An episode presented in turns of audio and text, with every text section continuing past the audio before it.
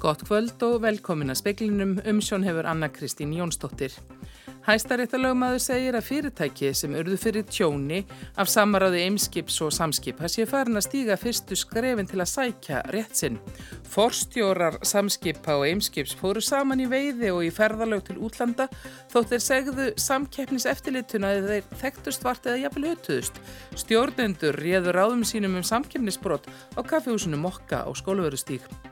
Viðbúnaður er í Grindavíkur höfnum vegna stórstreymis og vonsku viðurs búist er við ölduhæð nái 8 metrum þar annað kvöld og hætta er á flóði. Og ekki var fallist á kröfu kvikmyndaframleyslu fyrirtækisins True North um lögbann á kvalveðar kvals.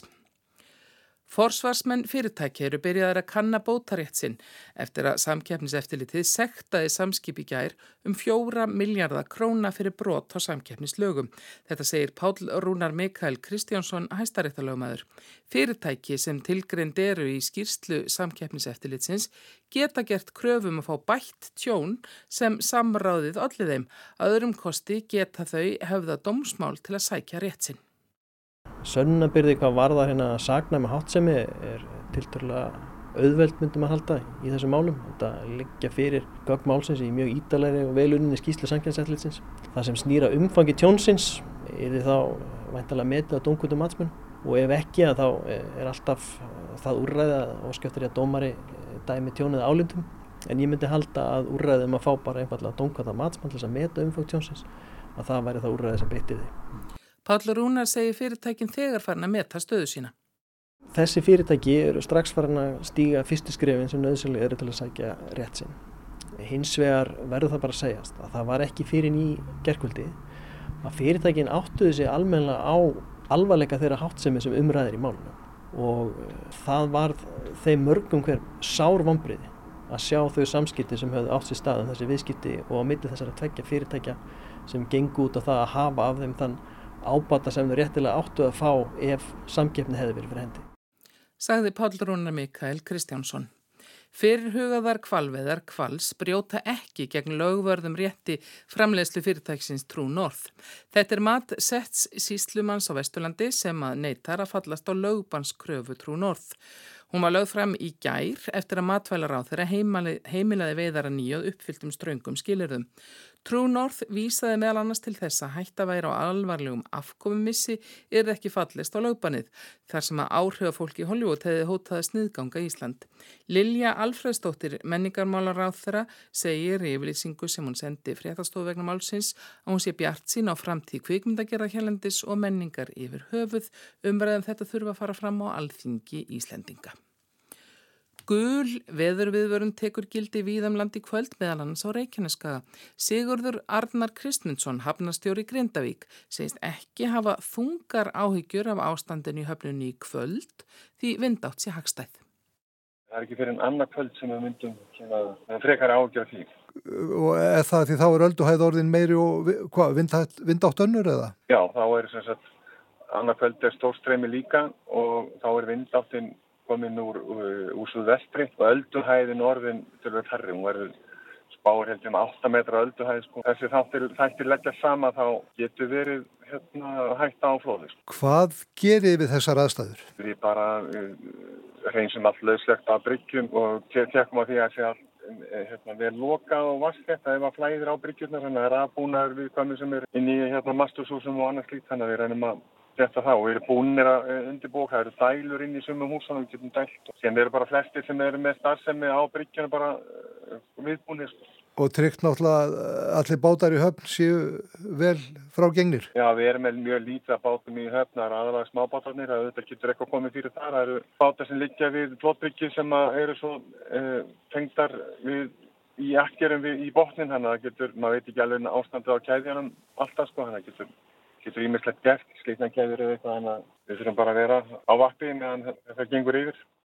Saði Sigurður Arnar Kristmundsson, Haukur Holm talaði við hann. Björgunarsveit á Ísafjörði var kölluð út um klukkan þrjú í dag. 17 ára farþegi á skemmtifærðarskipi sem að var í Ísafjörðarhöfn lendi í sjálfheldu í hlýðinni fyrir ofan bæin.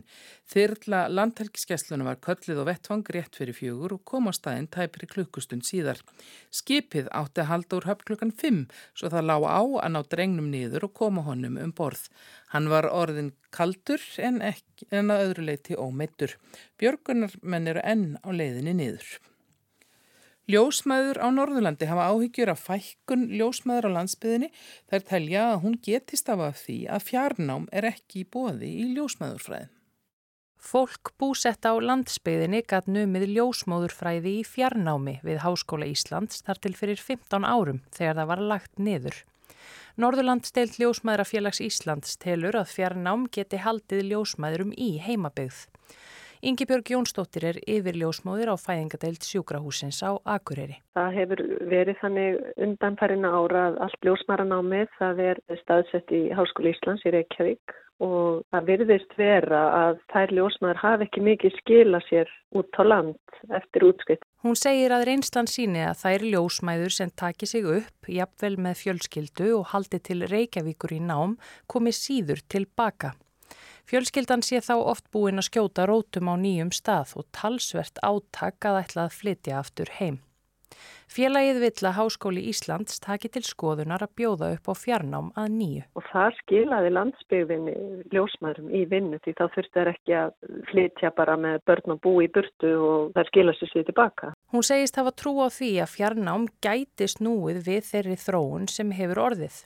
Það berist alltaf annað slægið fyrirspurnir frá hjúgrunanemum á landsbyggðinni sem hafa ekki tök á að flytja um hvenar fjarnámið bjóðist á ný. En þær eru gefa það mjög sterti kynna að þær myndu fara í námið ef þær hefðu aðstöðu til að vera meira í, í sínu heima hér að því. Sagði Ingi Björg Jónsdóttir við Gunnhildi Kjærúlf Birgisdóttir. París var í dag fyrst höfuborga í Evrópu til að banna rafskútur í skamtímalegu göttum borgarinnar. Hjólinn verða flutt út fyrir París og til nágrannaríkja. Parísabúar samþyktu að banna rafskútulegur í atkvæða greiðslu í april. Kjörsókn var þó ekki nema 7,5%. Ann Hidalgo, borgarstjóri Parísar, barðist hart gegn rafskútunum sem hún lísti sem pláu. Parísarbúar eru búinir að kjósa um þetta og þetta er niðurstaðan. Við verðum að vera sangjörn held ég, segir Nias Sevigné íbúi í París. Les Parisiens aussi ont voté, donc voilà, faut, faut être fair play aussi, je pense. Notendur skútana eru margir hverjir mjög ósáttur við bannið þar sem þeir telja þennan samgöngumóta skapa minnistreitu en akstur bíla. Aðrir telja að bannið verði til þess að fleiri hjóli noti strætó eða aðrar almenningssamgöngur. Þá verður áfram hægt að leia reyðhjól í París. 15.000 rafskútur voru í borginni en eigundur þeirra hafa unnið að því að fjarlæga þar af götonum undanfarna daga. Þær fá framhaldslífi í öðrum borgum Evrópu, svo sem London, Kaupmannahöfn og nokkrum borgum í Þýskalandi. 30% de la flotte euh, qui sera redistribuée dans nos marchés en Ile-de-France, où on opère euh, plus de 80 communes à ce jour, et le reste partira en Allemagne, une fois réparé, pour sur des marchés existants en Allemagne et en Pologne. 30% af flotanum verður dreift á mörkuðum okkar í nákværinni Parísar, segir Benjamin Guerpillon, forstjórir afskútulegunar TIER. Almenningssamgöngur eru á borði David Belliard, aðstóðar borgarstjóra Parísar. Hann telur að rauk með banninu hafi verið yfirgnefandi þrátt fyrir tilrunir eigenda rafskútana til þess að leysa úr þeim vandamálum sem þær sköpuðu. Stjórnleysið í kringum rafskútunar hafi verið óbærilegt. Valgerður Greta Gröndal tók saman.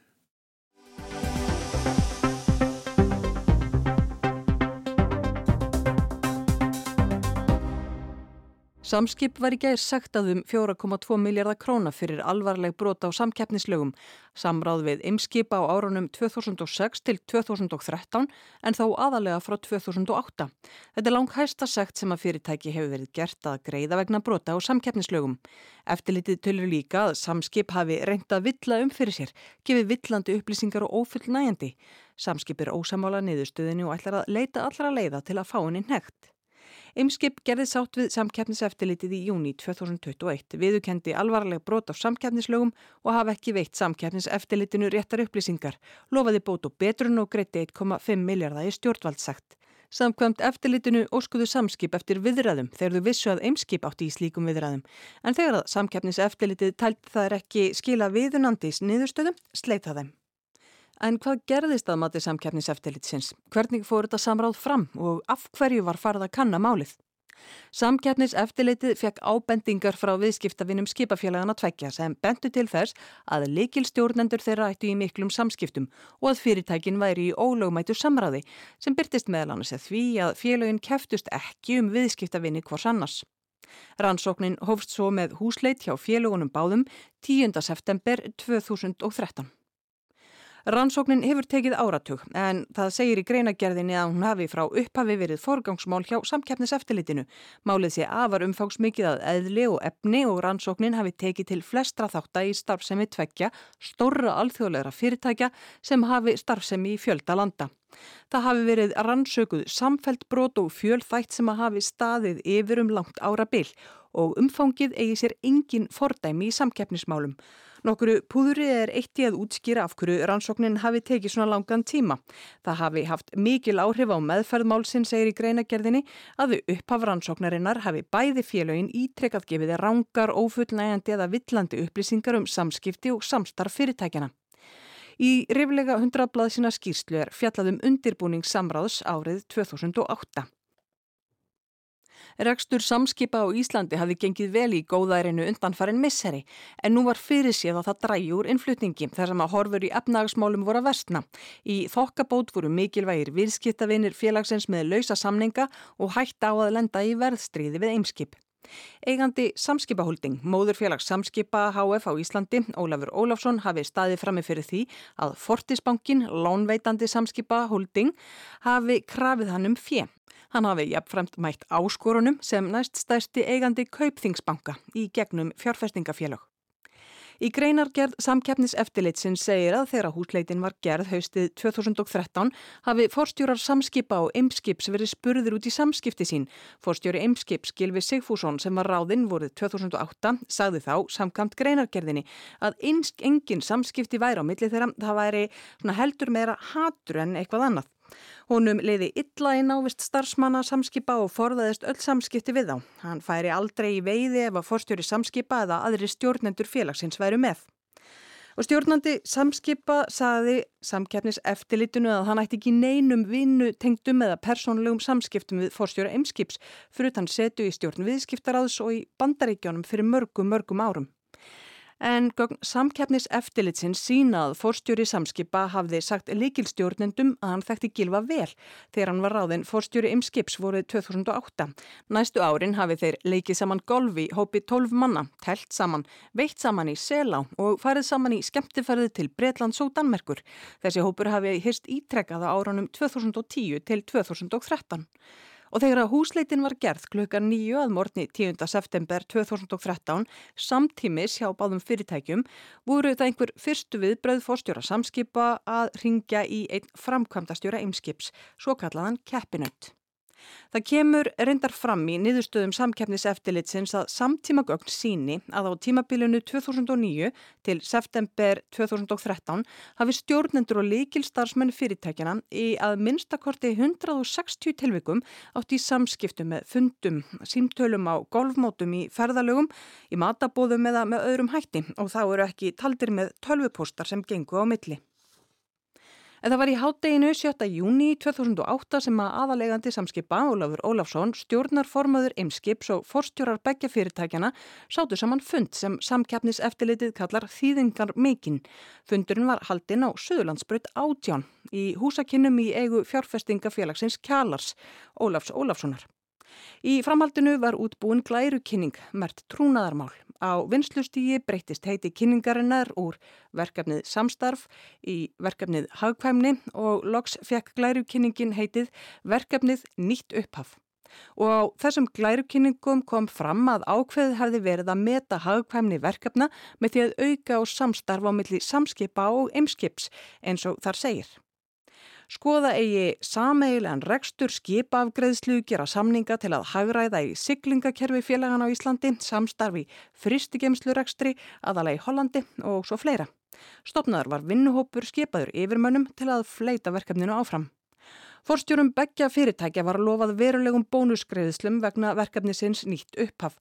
Þeir hafðu því báðir persónulega fjárhagslegan ávinning af samkernisbrótonum samkvæmt niðurstöðu samkerniseftilitsins.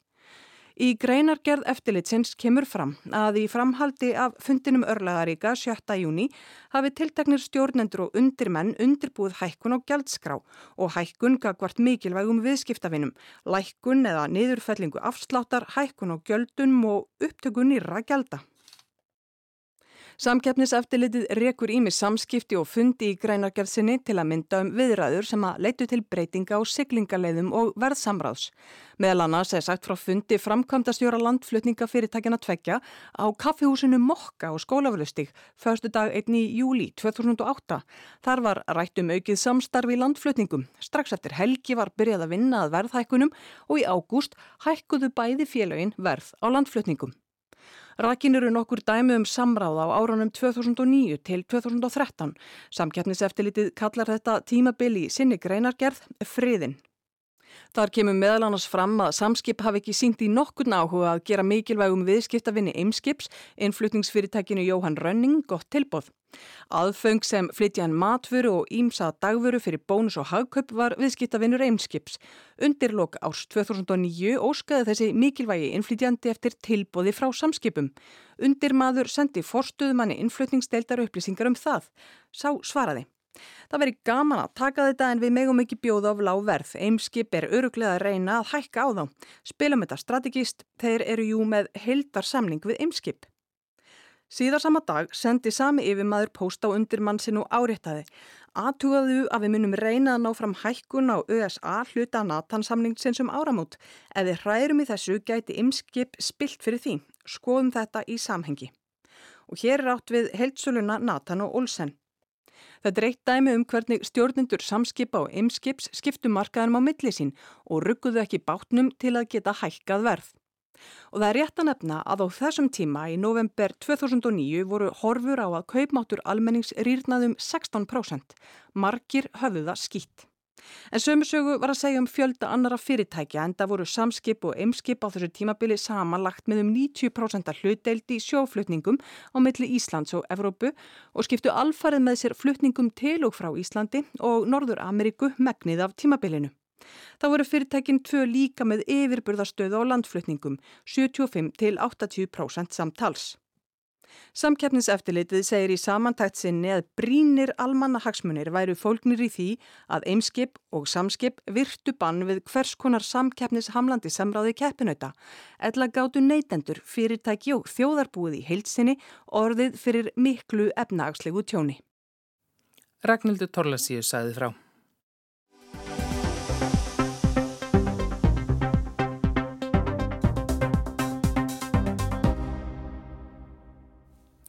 Og áfram um samkeppni því að samkeppniseftilitið mælist til þess að stjórnvöld ráðist í aðgerðir til að draga úr samkeppnishindrunum á flutningamarkaði, auka, aðhald og ebla þannig samkeppni.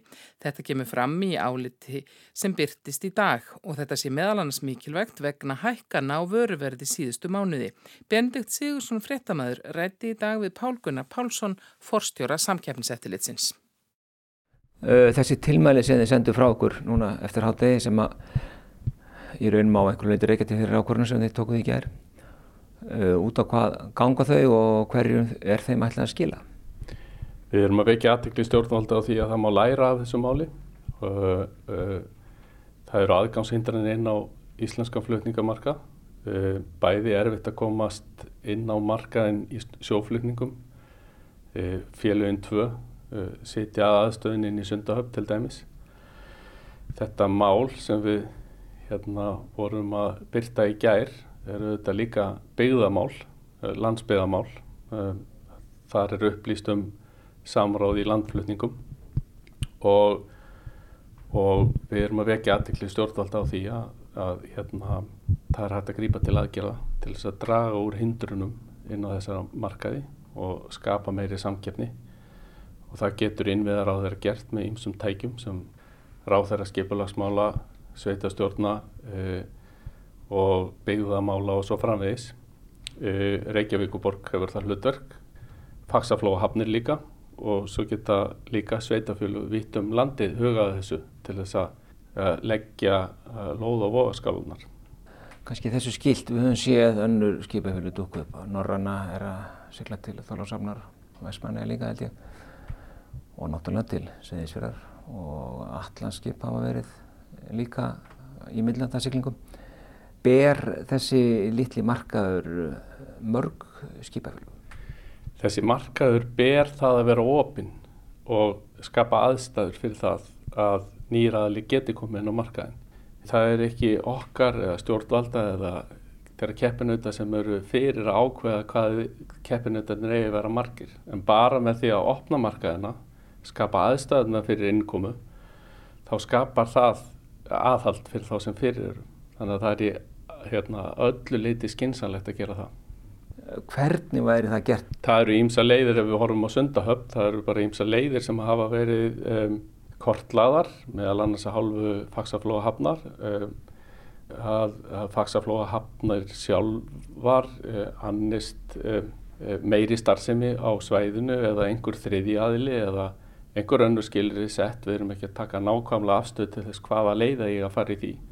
Við erum að beina því til stjórnvalda að þessa ákvarðinni þarf að taka og það þarf að opna markaði meira heldur en gert hefur verið. Það er, var tekið eftir því ég er, kom fram í fréttum frá ykkur að, að einn skip gerði sátt á sínum tíma, 2021, og greitti halvan annan miljard í S-sekta greiðslu. Af samtölu mínu við, við aðila í dag og lögmenn þá, þá skilst mér að það eru einhver fyrirtæki farin að undirbúa einhvers konar bótakröfu á, á samskip allavega og vantarlega eimskip. Það sem eimskip gerði á sínum tíma það útilokar ekki það að bætur verða sóttar til begja félaga. Er það rétt skilinni? Já, sáttir sanginsettilisins við fyrirtæki í svona málum hafa engin áhrif á, á hérna bótarétt aðeila. Það er ekki hlutverk sáttana. Þannig að það er rétt. Sáttin er, hefur ekkert með það að gera. Ég spurði það í hátdeinu og hann kom nú ekki, ekki beint svar við því en hérna ég var að velta fyrir mig sko hvað væri hægt að áalla þetta tjón væri e, mikið.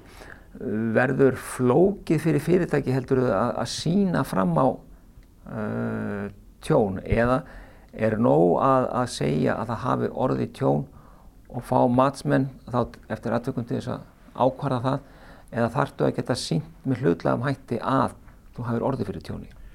Það er svolítið viðfánsefni e, e, fyrirtækjana sem er að undirbúa bótamál að meta þetta og þeirra sem að starfa fyrir þá að undirbúa kröfur af því tægi og þar auðvitað skiptir máli hvaða gögn þau eru með í höndunum, hvaða gögn þau fá og sjá út úr þessu máli eða fá frá sankynnsiðvöldum og það auðvitað bara getur verið mismandi niðurstaði í mismandi málum. Þetta er auðvitað bara vennulegt viðfánsefni fyrir þá sem er að fást við að sækja bætur í skafbótarétti.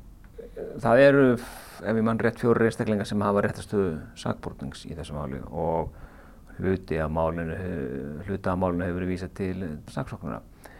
Hver er staða þessara einstaklinga með tilliti til kannski refsi ábyrðar? Já, nú er það þannig að sanginsettilitið uh, rannsakar bara og tekur ákvarðanir í málum sem að varða fyrirtækin. Eins og er, er það okkar könnu að uh, ef við sjáum ástæði til þess að meta ábyrð einstakra starfsmanna og þá kæra það til, til hérna ennbættis hér að sáksónara og það er hann sem að reyku það mál og það mál er reikið á grundulli refsi réttar og það er auðvitað líka hans að, svara spurningum um það, um, um þá meðferð. Hver eru brot, ætlu brot? Svona alvarlegri samaráðsbrot geta varðað uh, einstaklingum uh, sektum eða fangilsi alltaf sex árum og það er þá metið með tilliti til atveka alvarleika brota hvort að brot hátt sem einstaklinga sé með þeim hætti og það var metið svo í þessu tilviki að, að í þrýgang þá kerðum við einstaklinga og síðan er það eftir það hér að sá svona að meta og rannsaka þann þátt, þar að segja möguleg brot einstaklinga í refsimáli. Það er alltaf mikið um dýr.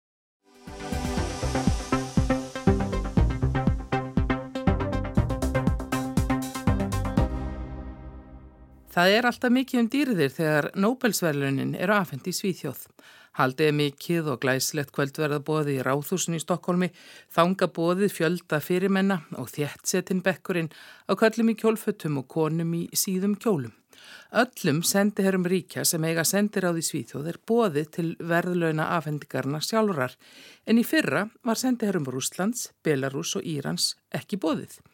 Reyndar ekki heldur Jimmy Åkesson leiðtoga hinn að þjóðnisinnu svíþjóðdemokrata því flokkurinn er ekki talin standa fyrir þau gildi sem Nobelsnefndin hefur í heidri. En í ár þá var ákveða bjóðákessan og öllum sendiherrunum. Nobelsnemdin segir ekki hægt að meta það ár frá ári hverju megi að bjóða og í Noregi þegar fríðaverlunin er afhengt hafi alltaf tíðkast að bjóða öllum sendiherrum, líka stríðandi þjóða. En reyndar er sendiðurunum bara bóðið á verðlaunaháttíðan í Svíþjóð, ekki í vestluna í gullsalunum í Ráðhúsinu. Vítar Helgesen sem svarar fyrir þessar ákvarðanir Nobelsnefndarinnar segir að veri sér að bregðast við ástandinu í heiminum. Vi ser hot mot ytringsfrihet, demokrati og menneskerettigheter. Og vi ser økt polarisering i samfunnsdebatten både i Sverige, i Norge og internasjonalt. Og det vi eh, tenker er at vi bør bemøte dette med å løfte frem de verdiene som eh, Nobelprisen hviler på. Ógnir stæðja tjáningafrelsi, líðræði og manngildi, samfélagsumræða í Svíþjóð, Noregi og heiminum öllum sé sífælt að skautast. Þessu vilji Nobelsnefndin mæta með því að lifta þeim gildum sem verðlaunin kvíli á og þau byggist á opnum og hreinskipnum umræðum milli manna og þjóða og því sé bóðið. Þessari ákvörðun, ekki síst að bjóða sendi herrum Rúslands og Belarus, hefur víða verið ítla tekið. Leðtóðar að minnstakosti þryggja stjórnmálaflokka í Svíþjóð hafa þegar tilkynnt að þeir mæti ekki á háttíðina ef rúsneski sendi herran verður þar. Muharrem Demirok sem fer fyrir miðflokknum segir við sænska sjónvarpið að bóð til rúsneska sendi herrans og þess belaruska sé afar vonda ákvörðun og óskiljanleg. De är mitt uppe i ett blodigt terrorkrig just nu mot en fredlig granne. De bombar varje dag sjukhus och skolor och att eh, bjuda in representanter för den regimen eh, är för mig helt eh, oförståeligt. Þetta séu fulltrúar ríkja sem eigi blóðugu stríði við friðsalan granna. Á hverjum degi falli sprengjur og sjúkrahús og skóla í Úkrænu og þá séu óskiljanlegt að bjóða til háttíðar fulltrúum slíkra stjórnvalda. Núsi Datgostar í vinstriflokknum segist gætna vilja halda merki vísinda og framfara á lofti.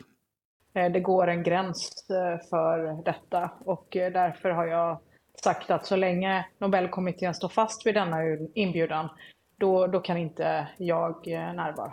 En það sé ekki auðvöld að gera með fulltrúum Rúslands sem láti sprengjum rigna yfir Úkrænu. Á meðan svo sé geti hún ekki tekið þátt í háttíðinni. Sænska sjónvarpið SVT hefur spurt fleiri leiðtúa hvort þeir ætli að mæta til hátíðarinnar. Ulf Kristesson, forsættisráð þeirra, segir að sér hafi brugðið við fréttir af bóðinu í gerðkvöld en svarar því ekki strax hvort hann ætlar að mæta sjálfur. Júan Persson, leiðtói frjálslindra, segist ekki ætla að sitja og skála við rúsneska sendiherran á meðan blóðugar og viðurstykkilegar árásir Pútins rúslandsforsetta dinji á Ukrænu og Magdalena Andersson, leiðtói jafnaðamanna, er líka gaggríninn í samtal við SVT, segir að Nobelsnemdin verði að skoða vandlega hvað felist í því að bjóða til háttíðar fulltrúa stjórnvalds sem standi fyrir ólöglegu og andstykkilegu stríði í Úkrænu. Upplýsinga fulltrúi Andersson segir reyndar aðspurður um hvort hún ætlið að mæta, stuttasværi sé hún hafi ekki fengið bóð. En Jimmy Åkesson, leiðtói Svíþjóðademokratana var fljótur að segja að hann hefði annað á prjónunum 10. desember en að mæta á Nobelsháttíð. Hann væri mjög upptekinn þann dag og í fyrra þegar hann var ekki bóðið saðist hann ekki kæra sig um að mæta þangað sem hann væri ekki velkomin. Og í ár hefur hann bætti við að sóma kærir sænskir stjórnmálamenn sem hafi einhvern móralskan átt að vita lift ekki glösum með fulltrúum frá Rúslandi, Belarus eða Íran. Hann gengur í suðvestan storm með rigningu sunnan og vestan til í kvöld. Það verður suðvestan strekkingur eða allkvassvindur með skúragangi á morgun, bjartara norð-austan til. Fleiri er ekki speklinum í kvöld. Tæknimaður var Kári Guðmundsson. Veriði sæl.